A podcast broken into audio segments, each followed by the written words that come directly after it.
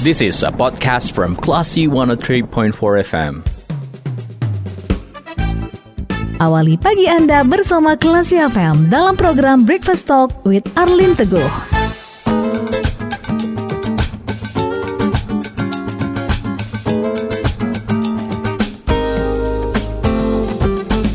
Dari Bumi Karang Putih Darung Padang, 103.4 Kelas FM, this is the actual radio. Assalamualaikum, apa kabar Kelas People? So happy to have you again. Saya Lia Priyanka. Anda sedang mencermati program Breakfast Talk with Arlin Teguh. Seperti biasa, program Breakfast Talk with Arlin Teguh hadir untuk Anda setiap hari Senin jam 7 hingga ke jam 8 pagi dan akan diulang di hari yang sama jam 7 hingga ke jam 8 malam. Nah, classy people, terkadang dalam bertindak seseorang akan mempertimbangkan pendapat orang lain sebelum melangkah. Masalahnya, ketika pendapat orang lain itu mulai menyetir pendapat sendiri atau bahkan mengintimidasinya, nah ini nih yang membuat seseorang jadi sulit untuk mengambil langkah. Karena pendapat orang lain itu kayak menghantui dan membuat dia berkata, apa kata dunia? Di Breakfast Talk kali ini kita akan bahas topik apa kata dunia bersama Bapak Arlin Teguh. Assalamualaikum Pak Arlin, apa kabar? Waalaikumsalam warahmatullahi wabarakatuh Mbak Lia dan Crazy People yang mendengar di pagi hari ini Semoga seluruh kebahagiaan, kedamaian, kesejahteraan, kesuksesan, hal-hal baik menyertai diri Anda dari pagi ini Sehat Pak?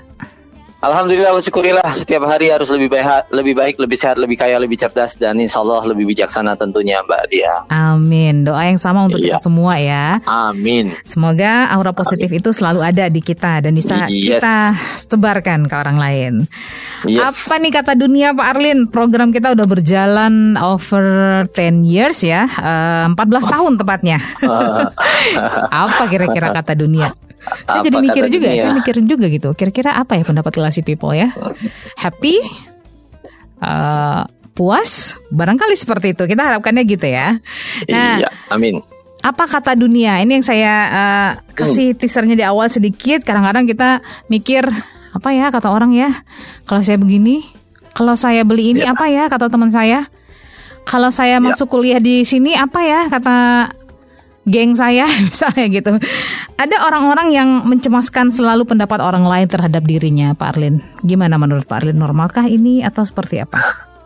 Ya, di satu sisi kita akan mengatakan bahwasannya ini adalah hal yang wajar, normal, dan sangat-sangat manusiawi. Kenapa Mbak Lia? Karena memang kita hidup itu di muka bumi tidak sendiri dan dunia besar yang kita tinggali hari ini bukan milik kita secara pribadi. Kita berbagi dunia dengan orang lain, kita berbagi dunia dengan banyak orang, sehingga pada akhirnya dunia yang kita bentuk adalah bentukan kita bersama. Ya, dan kalau kita hidup di dunia sendirian pun, saya yakin sekali hidup kita tidak akan bahagia, gitu ya. Nah, karena kita sharing dunia dengan orang lain, maka kita juga konsekuensinya kita sharing banyak hal dengan orang lain. Kita berbagi pikiran kita dengan orang lain, kita berbagi perasaan kita dengan orang lain, kita berbagi persepsi kita dengan orang lain. Dan orang lain juga melakukan hal yang sama kepada kita. Orang itu juga berbagi pikirannya, berbagi perasaannya, berbagi persepsinya, berbagi banyak hal dalam kehidupannya dengan kita. Sehingga apa? Kita mewarnai orang lain dan kita juga diwarnai oleh oleh orang lain. Ini adalah sesuatu yang lumrah yang wajar hal yang biasa dan sangat amat lazim terjadi bah dan dapat diterima dalam kehidupan kita. Tetapi memang yang digarisbawahi yang Mbak Lia katakan tadi ketika kita berinteraksi dengan orang lain ketika kita uh, mewarnai atau terwarnai oleh orang lain, kita menjadi kehilangan diri kita sendiri. Nah ini yang jadi problemnya. Ketika kita sudah tidak lagi mampu menjadi diri kita sendiri, ketika kehidupan kita didikte oleh pikiran orang uh, oleh pikiran orang lain, ketika persepsi kita, kehendak bebas kita sudah lagi tidak menjadi diri kita, dan dikendalikan sepenuhnya oleh, orang lain itu adalah kecelakaan terbesar dalam hidup kita karena kehidupan kita itu perpaduan antara independensi di satu sisi dan interdependensi di sisi lain. Di satu sisi kehidupan kita sangat-sangat independen, tidak membutuhkan orang lain, tapi di sisi lain kita juga sangat membutuhkan orang oh, membutuhkan orang lain. Maka kehidupan kita ini memang ada hal-hal yang sifatnya paradoks. Tapi paradoksial itu adalah bagian dari hidupnya manusia. Nah, tinggal nanti tugas kita adalah mempositioning diri kita mana yang wilayah diri kita yang tidak boleh atau tidak dapat diintervensi oleh orang lain dan mana wilayah-wilayah yang kita sebut sebagai wilayah-wilayah toleransi. Oke, okay?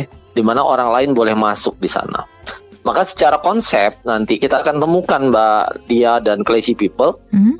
manusia itu di dalam dirinya nanti muncul tiga hal yang menjadi bagian dari dirinya. Apa itu? Aku diri, apa yang kita maksud dengan aku diri adalah aku berdasarkan persepsi yang aku bangun tentang diriku. Dan yang kedua kita sebut sebagai aku sosial, aku yang dibangun berdasarkan persepsi lingkungan sosial terhadap diriku. Dan yang ketiga adalah aku ideal. Aku ideal adalah aku berdasarkan sistem nilai ya. Nah, kita perlu bercengkrama pada wilayah tiga pada tiga wilayah ini Mbak Lia. Kita perlu berdamai dengan tiga wilayah ini. Kita perlu berinteraksi dan memahami bahwasanya ketika kita memutuskan sesuatu, keputusan kita tersebut adalah keputusan aku diri atau keputusan aku sosial ataukah sebuah keputusan aku ideal. Itu pengantar awalnya Mbak Lia. Oke, ini menarik nih. Ada aku diri, ada aku sosial, dan juga ada aku ideal. Porsinya yes. bagaimana Pak Arlin? Apakah berubah-ubah, berubah-ubah gitu? Depends on atau ini porsinya uh, stabil? Aku diri misalnya 50%, aku sosial 30%, misalnya gitu. Aku ideal 20% atau seperti apa Pak? Ya, uh, saya selalu percaya bahwa saya selamanya manusia itu tidak uh, hidup dalam dikotomi A, B, C atau D gitu ya. Mm. Tapi dia berada dalam sebuah kontinum perilaku. Ya. Kontinum perilaku yang kita maksud adalah manusia itu dapat berubah-berubah. Dan berubah-berubahnya itu dalam rangka beradaptasi dengan kondisi yang terjadi. Ya. Ya, beradaptasi dengan kondisi yang terjadi kita tidak mengatakan bahwasanya aku ideal itu pasti harusnya sekian puluh persen enggak gitu kan. Mm -hmm ada kalanya memang aku ideal itu terpaksa ternafikan. Kenapa? Karena ternyata tarikan untuk aku sosial jauh lebih kuat gitu. Tapi ada kalanya memang aku diri harus mengambil porsi yang lebih. Eh, karena apa? Karena ada hal-hal yang kita nggak mau diintervensi oleh orang lain, gitu ya. Nah, fleksibilitas inilah nanti yang akan menentukan apakah seseorang akan berhasil sukses dalam hidupnya, gitu ya. Ya, kalau orang Minang itu uh, menggambarkan bagaimana manusia itu perlu perlu punya fleksibilitas masuk ke kandang kambing mengambil, mm-hmm. masuk ke kandang kabau malangua, mm-hmm. masuk ke kandang ayam mancio gitu ya. Yeah. Nah, fleksibilitas gitu. Tapi bukan berarti menghilangkan jati diri gitu. Nah, tetapi kita balik cerita tadi Mbak Lia dan Crazy People, kita perlu mengenali dulu gitu loh. Mengenali dulu Misalnya ketika kita, oke, okay, sederhananya seperti ini deh. Ketika kita tamat sekolah SMA, kita ingin melanjutkan kuliah. Kita ingin kuliah di di universitas atau di jurusan tertentu lah ya. Yeah. Kita ingin kuliah di jurusan tertentu, memilih jurusan tertentu. Kenapa kita memilih jurusan itu? Ketika saya memilih jurusan itu karena saya memang suka, karena saya memang minat, karena saya memang tertarik dengan jurusan itu, maka itu adalah keputusan aku diri gitu. Tapi ketika misalnya ketika kita ingin memutuskan lalu tiba-tiba ada orang-orang berkata, eh jangan, jangan itu, itu nggak cocok buat kamu. Ini lagi tren yang ini nih di masa depan yang ini dibutuhkan kalau kamu masuknya jurusan yang ini, oh ini kamu terlihat keren. Lalu kita mulai berpikir bahwasanya kita ingin ikutin orang lain atau kita ingin ikuti diri kita. Ketika kita mulai mengambil jurusan yang dipilihkan orang lain untuk kita tanpa alasan-alasan yang kita pahami di dalam diri kita, maka kita menjadi aku sosial. Tetapi bukan tidak mungkin juga antara aku diri dan aku sosial ini terjadi semacam uh, bergaining gitu ya, semacam tawar menawar, sehingga nanti aku sosial yang mempengaruhi si aku diri ini benar-benar mampu masuk ke dalam aku diri sehingga menjadi sebuah kesadaran. Oh iya ya, ternyata bener deh. Kayaknya lebih bagus deh aku milih itu. Ada kesadaran bahwasanya memang lebih tepat untuk dia. Bukan karena dipilihkan oleh orang lain untuk dia. Nah, yang aku sosial tadi berubah menjadi aku diri lagi. Keputusannya adalah keputusan person gitu. Atas kesadaran, atas kemauan diri sendiri. Nah, ini nanti antara aku ideal, maaf aku sosial dan aku diri itu saling terjadi seperti itu Mbak Lia, mm-hmm. saling mempengaruhi dan saling saling dipengaruhi gitu ya, gitu. Nah positioningnya aku ideal di mana? Positioning aku ideal adalah diriku yang dibandingkan dengan sistem nilai gitu. Sistem nilai yang apa? Sistem nilai yang yang benar gitu. Nah sistem nilai yang benar itu adalah sistem nilai yang dibangun di atas keyakinan biasanya keyakinan spiritualitas atau keyakinan agama gitu ya. Ya, karena keyakinan aku sosial juga belum tentu berkesesuaian dengan uh, keyakinan yang berlandaskan pada pemahaman-pemahaman spiritualitas atau pemahaman agama. Begitu, Mbak Lia. Oke, okay. uh, Pak Arlin. Mm, yes. Terkadang kita ketika membuat satu keputusan itu kita uh uh, mengedepankan ego kita gitu ya. -huh. uh, di satu sisi kita ingin terlihat baik di mata orang lain, tapi di sisi lain kita juga uh, ingin memuaskan keinginan kita sendiri gitu. Yes. Nah, ketika kita uh, berusaha mengcombine antara pendapat orang lain dengan ego sendiri, sebetulnya kan kita selalu ingin berusaha menampilkan citra yang terbaik, Pak Arlin. Mm -hmm. Itu kan sebetulnya uh, kenapa yes. kita memikirkan pendapat orang lain terhadap kita, kenapa mm. kita harus pusing mm. apa yang dipikirkan Pak Arlin terhadap saya, apa yang dipikirkan kelas mm. people terhadap saya, sebetulnya kan karena mm. ingin menampilkan citra yang terbaik. Bukankah mm. itu bagus ya Pak Arlin ya, sebetulnya? Iya, ya uh, bagus selama dia tidak menjadi sebuah topeng di dalam diri kita gitu. Mm -hmm. Oke, okay? ada orang-orang yang dia ingin menampilkan dirinya yang bagus, tapi menafikan bahwasanya ada bagian dirinya yang dia nggak bisa tutupi, gitu ya. Sehingga yang terjadi apa? Yang terjadi adalah dia ke mana-mana pakai topeng, dia seperti berakting, dia seperti bersandiwara dalam kehidupannya gitu. Mm -hmm. Dan sampai kapan kita mampu untuk bersandiwara gitu? Sampai kapan kita mampu menutupin uh, kepribadian asli kita? Dampaknya apa? Dampaknya nanti adalah hubungan kita dengan orang lain menjadi sebuah hubungan yang yang tidak alami gitu loh. Palsu ya? Iya, hubungannya jadi hubungan palsu. Kalau udah hubungannya yang palsu, begitu yang aslinya kebuka, uh-huh. apa yang terjadi?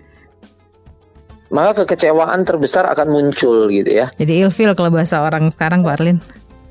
Gimana? Il, jadi ilfil kalau bahasa sekarang. Ah iya, ya seperti kalau misalnya Mbak Lia uh pergi ke satu toko, uh lalu merasa beli barang asli, ternyata setelah dibawa pulang ketahuan KW mm-hmm. gitu ya. Mm-hmm. Perasaannya langsung apa? Wah, langsung tertipu dan itu akan jauh-jauh lebih lebih menyakitkan gitu ya. Maka pada kadar-kadar tertentu memang manusia itu secara alami tidak akan ada yang mampu menampilkan dirinya secara 100% apa adanya. Yeah. Oke, okay? mm-hmm. dia akan selalu berupaya untuk menampilkan dirinya yang terbaik di mata orang lain. Kita perlu memoles ya bagaimanapun ya. Yes, yes. Itu kenapa para wanita suka pakai make up ya. Iya, iya, dan ya kan, ya. senggangganya pakai bedak ya, gitu ya. ya ya kalau kita ingin melihat yang tampilan kita yang asli lihatlah ketika dia baru bangun tidur kita okay. bilang kayak gitu. iya, tapi ketika kita sudah sudah bangun kita pergi keluar pasti kita pengen dandan hmm. mandi segala macam kenapa? Karena kita ingin menampilkan tampilan yang terbaik. Kenapa kita ingin menampilkan diri kita yang terbaik? Karena harapan lingkungan sosial gitu ya, ya, ya lingkungan sosial itu punya ekspektasi terhadap diri kita ya ekspektasi terhadap tampilan gitu ya ekspektasi terhadap uh, cara kita bertindak, berinteraksi dengan mereka gitu.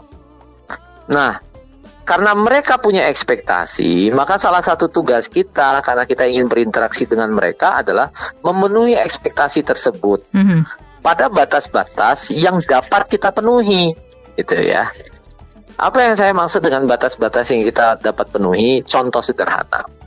Kalau Anda ingin pergi keluar rumah, bertemu dengan orang, maka setidak-tidaknya Anda berpenampilan bersih dan rapi. Yeah. Oke ya, bersih dan dan rapi itu adalah standar minimal yang bisa dipahami gitu ya. Tapi bersih dan rapi pada komunitas-komunitas sosial tertentu pasti standarnya berbeda. Oke. Okay. Kalau misalnya bersih dan rapi di komunitas uh, sepeda Anda ya mungkin pakai baju kaos tuh cukup gitu. Hmm. Tapi bersih dan rapi pada komunitas kantor mungkin Anda menggunakan kemeja Oke. Okay.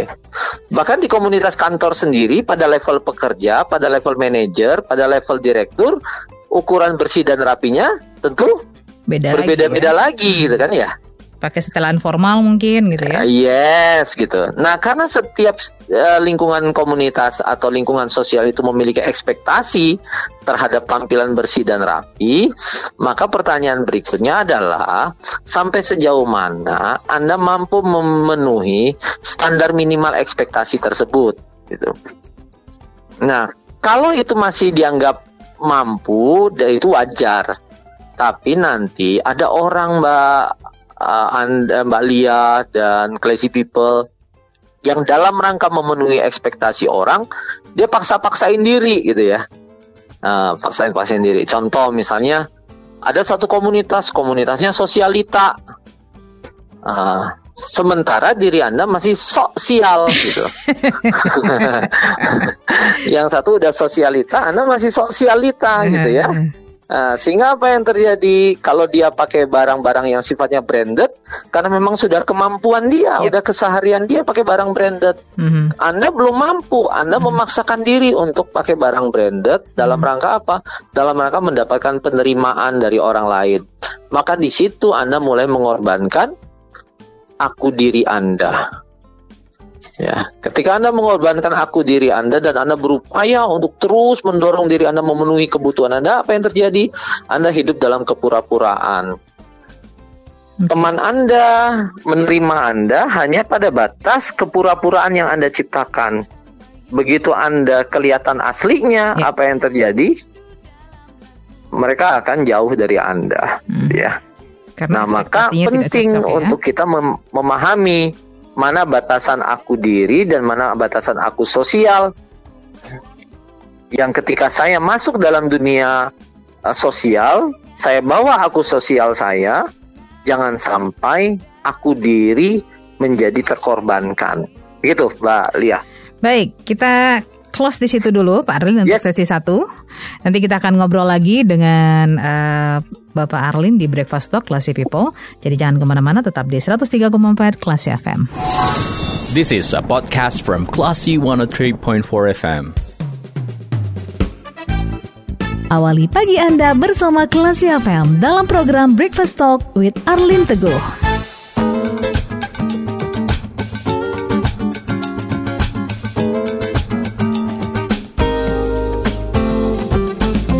103,4 kelas FM, this is the actual radio Classy People di sesi kedua program Breakfast Talk with Arlin Teguh. Ada saya Lia ya, yang ngobrol dengan Pak Arlin uh, tentang topik kita kali ini adalah apa kata dunia. Anda bisa mencermati program Breakfast Talk setiap hari Senin jam 7 hingga ke jam 8 pagi dan juga diputar ulang jam 7 hingga ke jam 8 malam. Selain itu Anda juga bisa mencermati program ini via podcast ya yang sudah kami simpan di situs Kelas FM www.kelasfm.co.id atau silahkan untuk mendengarkan via aplikasi juga ada podcastnya kami simpankan di situ. Anda bisa download dulu di Play Store ataupun di App Store. Cukup ketik Kelas FM. Baik, Pak Arlin.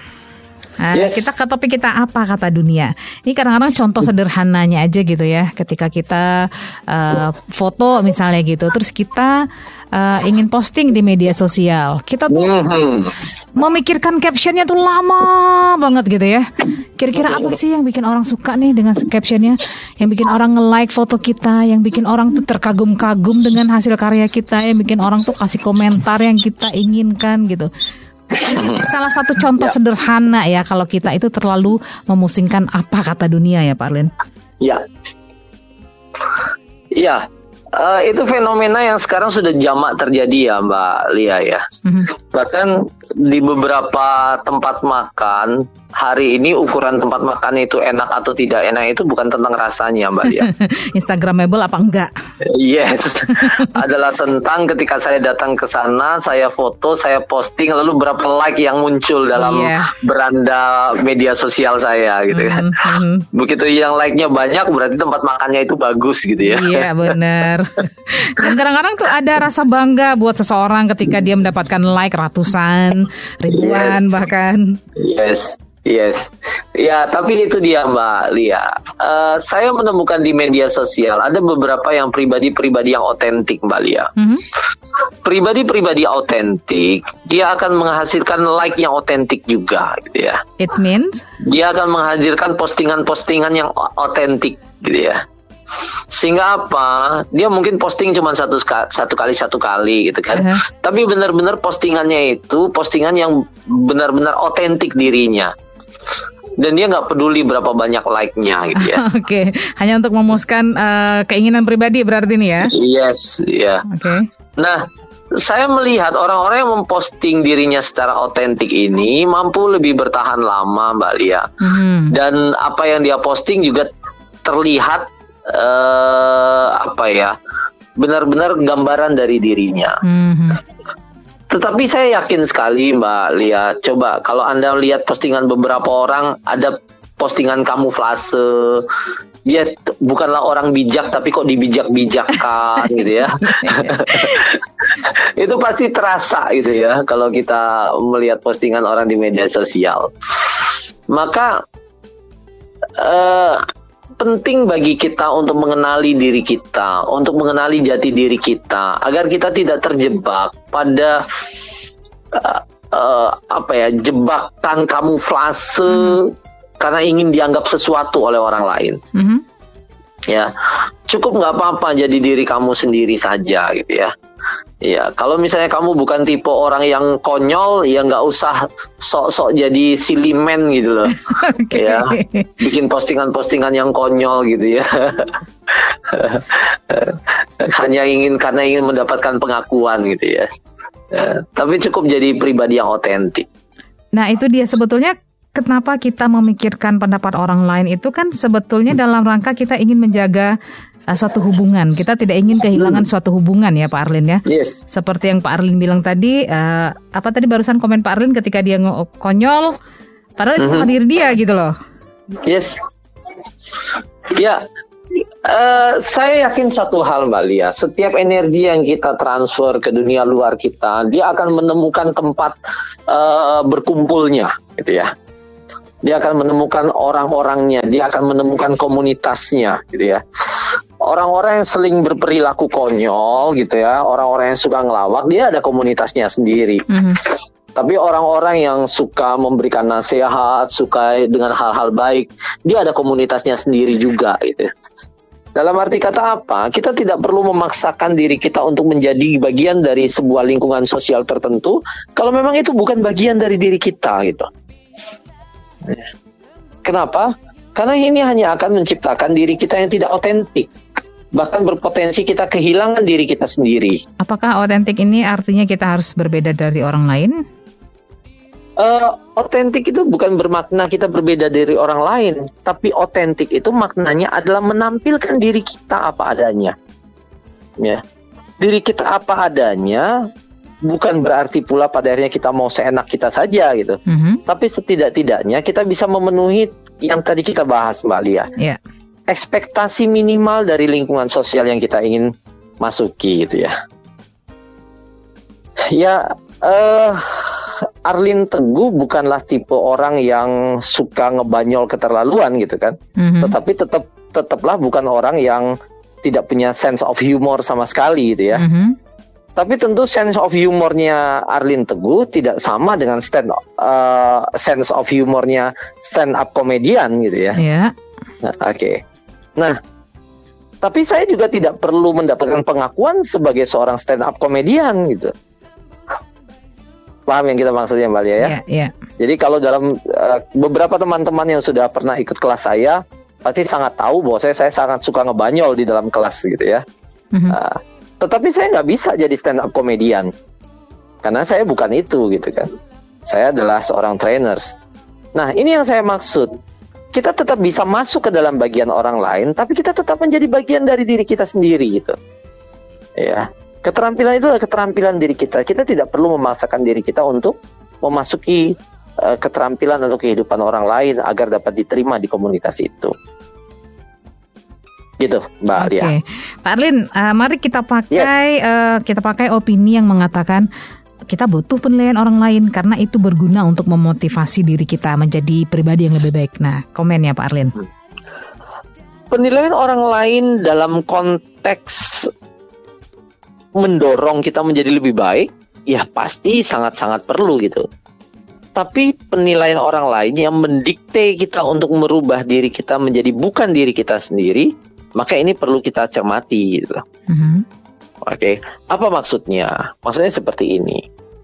Uh, kalau misalnya Anda orang yang suka seni, lalu orang menilai diri Anda mengatakan bahwasanya sebagai seorang seniman Anda perlu melakukan ini, ini, ini karena Anda belum terlalu baik menjadi seorang seniman. Maka ini adalah penilaian orang lain yang akan membuat diri kita menjadi lebih baik di kemudian hari, ya tapi kita benar-benar kita suka seni, kita cinta seni, kita sangat menyukai sebagai seorang seniman. Tapi yang jadi masalah keterampilan kita sebagai seorang seniman nggak nggak terlalu mumpuni. Lalu tiba-tiba ada orang yang mengatakan, kamu tuh memang tidak cocok jadi seniman gitu ya. kamu tuh paling cocoknya itu jadi ilmuwan gitu ya. Mhm. Karena kamu nggak punya darah seni sama sekali. Mhm. Nah ini kita perlu cermati ya. Apakah statement ini adalah sebuah statement yang benar-benar berangkat dari kepedulian atas penilaian terhadap diri kita yang berarti sederhananya kita itu jadi seniman itu karena memang kita sebetulnya uh, benar-benar pengen jadi seniman atau karena kita nggak tahu diri gitu loh ya karena gini loh Mbak Lia Mhm. ada orang-orang ingin jadi seniman itu bukan karena pengen jadi seniman gitu Tapi, tapi karena ngelihat seniman kehidupan seniman tuh kok kayaknya keren gitu ya oke. oh saya pengen kayak dia lah gitu loh Mhm. Ah, Tapi gitu nggak loh. mengukur uh, bakat, tidak mengukur Ah, kemampuan gitu. gitu ya. Ah, ah, ya. Nah, maka kalau ada orang ngomong kamu tuh nggak cocok jadi seniman, kamu tuh cocoknya jadi ilmuwan. Nah, kita cermati. Apakah statement dia itu betul? Karena kita nggak tahu diri, karena kita nggak Mhm. mengenal diri kita, atau sebenarnya dia nggak tahu apa-apa tentang diri saya, dan dia mengatakan itu karena karena persepsi pribadi yang walau alam kita tidak tahu eh, ininya apa gitu ya, tendensinya apa. Mhm, mhm. Nah, penting bagi kita untuk mampu mengukur itu, Mbak Lia, Oke. ya. Karena nanti kalau misalnya orang ngomong ki- ingin kita atau kritik kita kita tutup telinga sama sekali, itu juga tidak membangun diri kita. Mhm. Tetapi kita ikuti mentah-mentah juga potensial untuk menyesatkan kita di kemudian hari. Gitu, Mbak Lia. Oke, baik Pak Arlin. Em, terkadang kasusnya adalah seperti ini. Jika yang mengatakan itu adalah tokoh sentral dalam pikiran dia, tokoh sentral Hmm. dalam hidupnya, nah Yes. semua jadi berarti. Sementara komentar orang lain dia tidak akan anggap lalu Yes. aja. Nah itu bagaimana Pak? Ya, eh, hidup kita itu sering kali terafiliasi pada hal-hal tertentu, Mbak Lia. Mhm. Bisa jadi terafiliasi pada tokoh, oke. Ya. Bisa jadi terafiliasi pada pengalaman atau peristiwa, oke. Bisa jadi terafiliasi pada tempat, ya. Nah, ada orang dia terobsesi banget hidup di Bandung. Nah, mungkin Mbak Lia pernah punya teman kayak gini. Saya, saya sebenarnya. Oh, Mbak Lia sendiri ya. Terobsesi gitu kan. Pokoknya pokoknya saya tuh pengen banget hidupnya di Bandung deh Eh gitu. saya itu pak. Iya. Kenapa? Nggak punya alasan yang jelas. Pokoknya kalau kesannya kalau hidup di Bandung kan nikmat aja deh. Seru aja gitu. Seru aja gitu ya. Nah, itu berarti Anda hidup Anda terafiliasi pada pada tempat Oke. ya. Lalu ada terafiliasi pada tokoh. Aha. Ya, kalau terafiliasi pada tokoh, pokoknya apa pun yang dikatakan, dikatakan oleh tokoh itu kok kesannya Betul itu aja benar ya. aja deh gitu Ah, ya. Bener, menarik aja gitu. Nah, menarik aja gitu ya. Nah, lalu ada terafiliasi pada peristiwa. Ya, pokoknya hidupnya nggak bisa lepas dari peristiwa itu. Pokoknya apa pun yang terjadi yang berkaitan dengan peristiwa itu akan dia terima sebagai sebuah pengalaman yang membangun kebenaran di atas dirinya. Nah, hati-hati, hati-hati gitu ya. Apa yang saya maksud hati-hati? Hati-hati ketika kita lihat afiliasi-afiliasi itu masih sesuatu yang yang membuat hidup kita bergairah itu boleh, tapi yang mengkebiri Mhm. ah, itu tidak boleh. Nah, apa maksudnya? Mbak Lia punya obsesi hidup di Bandung, tinggal di Bandung, dan itu membuat kehidupan Mbak Lia sekarang itu terasa terasa punya tujuan, punya arah gitu ya. Oh itu nggak apa-apa gitu ya. Sampai-sampai wah aku tiap tahun harus ke Bandung. Berarti apa? Pengen cari duit, ngumpulin duit lebih banyak, biar apa? Liburan di Bandung lebih lama gitu Iya ya. iya. Uh, kalau perlu nanti begitu ke Bandung bisa langsung beli rumah minimal satu di Bandung gitu Betul ya. sekali. itu menjadi hidup kita menjadi bersemangat gitu. Tapi gara-gara punya obsesi tinggal di Bandung, akhirnya tinggal di Padang menjadi tidak bermakna. Aha. Kerja di Padang jadi males-males. Kenapa? Karena Padang ini bukan Bandung, ya. Semua Lalu terlihat gaul? mengecewakan gitu ya. Gaul sama orang Padang jadi males gitu ya. Kenapa? Karena di di Padang adanya udah uni, tidak Iya. ada Teteh. akang sama teteh gitu ya. Maka ini berarti apa? Obsesi yang mengkebiri kita gitu ya. Yang tidak lagi menyehatkan. Begitu juga ketika kita terobsesi dengan dengan tokoh tertentu. Ketika tokoh tertentu itu membuat kita punya memiliki semangat dalam hidup kita, memiliki gairah dengan hidup kita, maka tokoh itu masih memberikan stimulan positif bagi kita. Tetapi begitu si tokoh malah membuat kita lemah, hancur, nggak semangat, ya. Ya mungkin kita perlu review lagi. Apakah kehidupan kita milik kita atau sebetulnya tanpa kita sadari kehidupan kita sudah menjadi milik si tokoh tersebut. Begitu, Mbak Lia. Oke, baik Pak Arlin, kita break kembali. Eh, Yes. Sesi ketiga nanti kita akan lanjutkan obrolannya di Breakfast Talk. Jadi untuk Anda Classy Yes. People, tetap di 103,4 Classy FM. This is a podcast from Classy 103.4 FM. Awali pagi Anda bersama Classy FM dalam program Breakfast Talk with Arlin Teguh.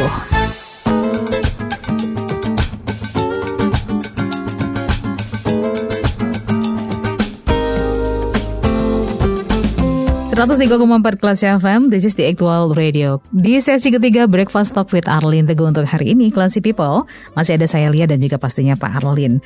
Topik kita adalah apa kata dunia? Pak, saya mau intermezzo dikit ya. Bapak pernah nonton uh, film Naga Bonar? Yes, Bapak ingat nggak kalau di film itu tuh ada kata-kata apa kata dunia? yes. Ingat ya? Eh, saya lupa sih siapa yang nyebutin apakah Naga Bonar ya atau Iya. bukan gitu ya. Tapi intinya naga benar. Naga Bonarnya ya kalau nggak salah ya. Iya. Nah, itu jadi cameo dia ya di film itu ya. iya. Oke Pak, Dan kita untuk ja- jadi jadi ingat ternyata kita di usia yang sama sepertinya. Nah itu dia saya mau ngomongin itu Beberapa waktu yang lalu Beberapa waktu yang lalu kita tuh ngomongannya apa coba Eh SDSB ya kalau nggak salah ya Sekarang kita ngomongin naga bonar ya ampun Kita milenial banget pak Aduh Mudah-mudahan semoga yang mendengarkan acara kita masih tahu film masih paham ya Saya yakin paham sih. Iya, Ya iya, kan? Oke. Oke kita ke konklusi untuk eh, hari ini Pak Arlin Tentang topik kita apa kata dunia? Silahkan Yes. Ya, apa kata dunia? Ketika kita mampu menumbuhkan, memunculkan, mengejawantakan diri kita yang otentik, maka dunia akan menerima kita apa adanya. Ingat, kita dan dunia hidup dalam proses saling mempengaruhi. Kita berupaya mempengaruhi dunia, sebagaimana dunia juga berupaya untuk mempengaruhi kita. Pada akhirnya, saling mempengaruhi ini akan menemukan titik keseimbangannya yang dunia akan mampu menerima kita apa adanya dan kita akan mampu menerima dunia itulah adanya. Pada saat itu kita akan berada dalam ketenangan hidup. Karena kita dan dunia hidup dalam harmoni bersama. Yang akan sangat sulit adalah ketika dunia dan kita bergerak pada jalur masing-masing, di mana kita bergerak atas kemauan kita sendiri, lalu dunia kita anggap tak ada, sehingga kita akan jauh dari lingkungan sosial. Atau sebaliknya, lingkungan sosial kita bergerak ke arahnya sendiri, sementara kita membangun dunia kita sendiri, yang pada akhirnya pun kita akan kehilangan lingkungan sosial kita.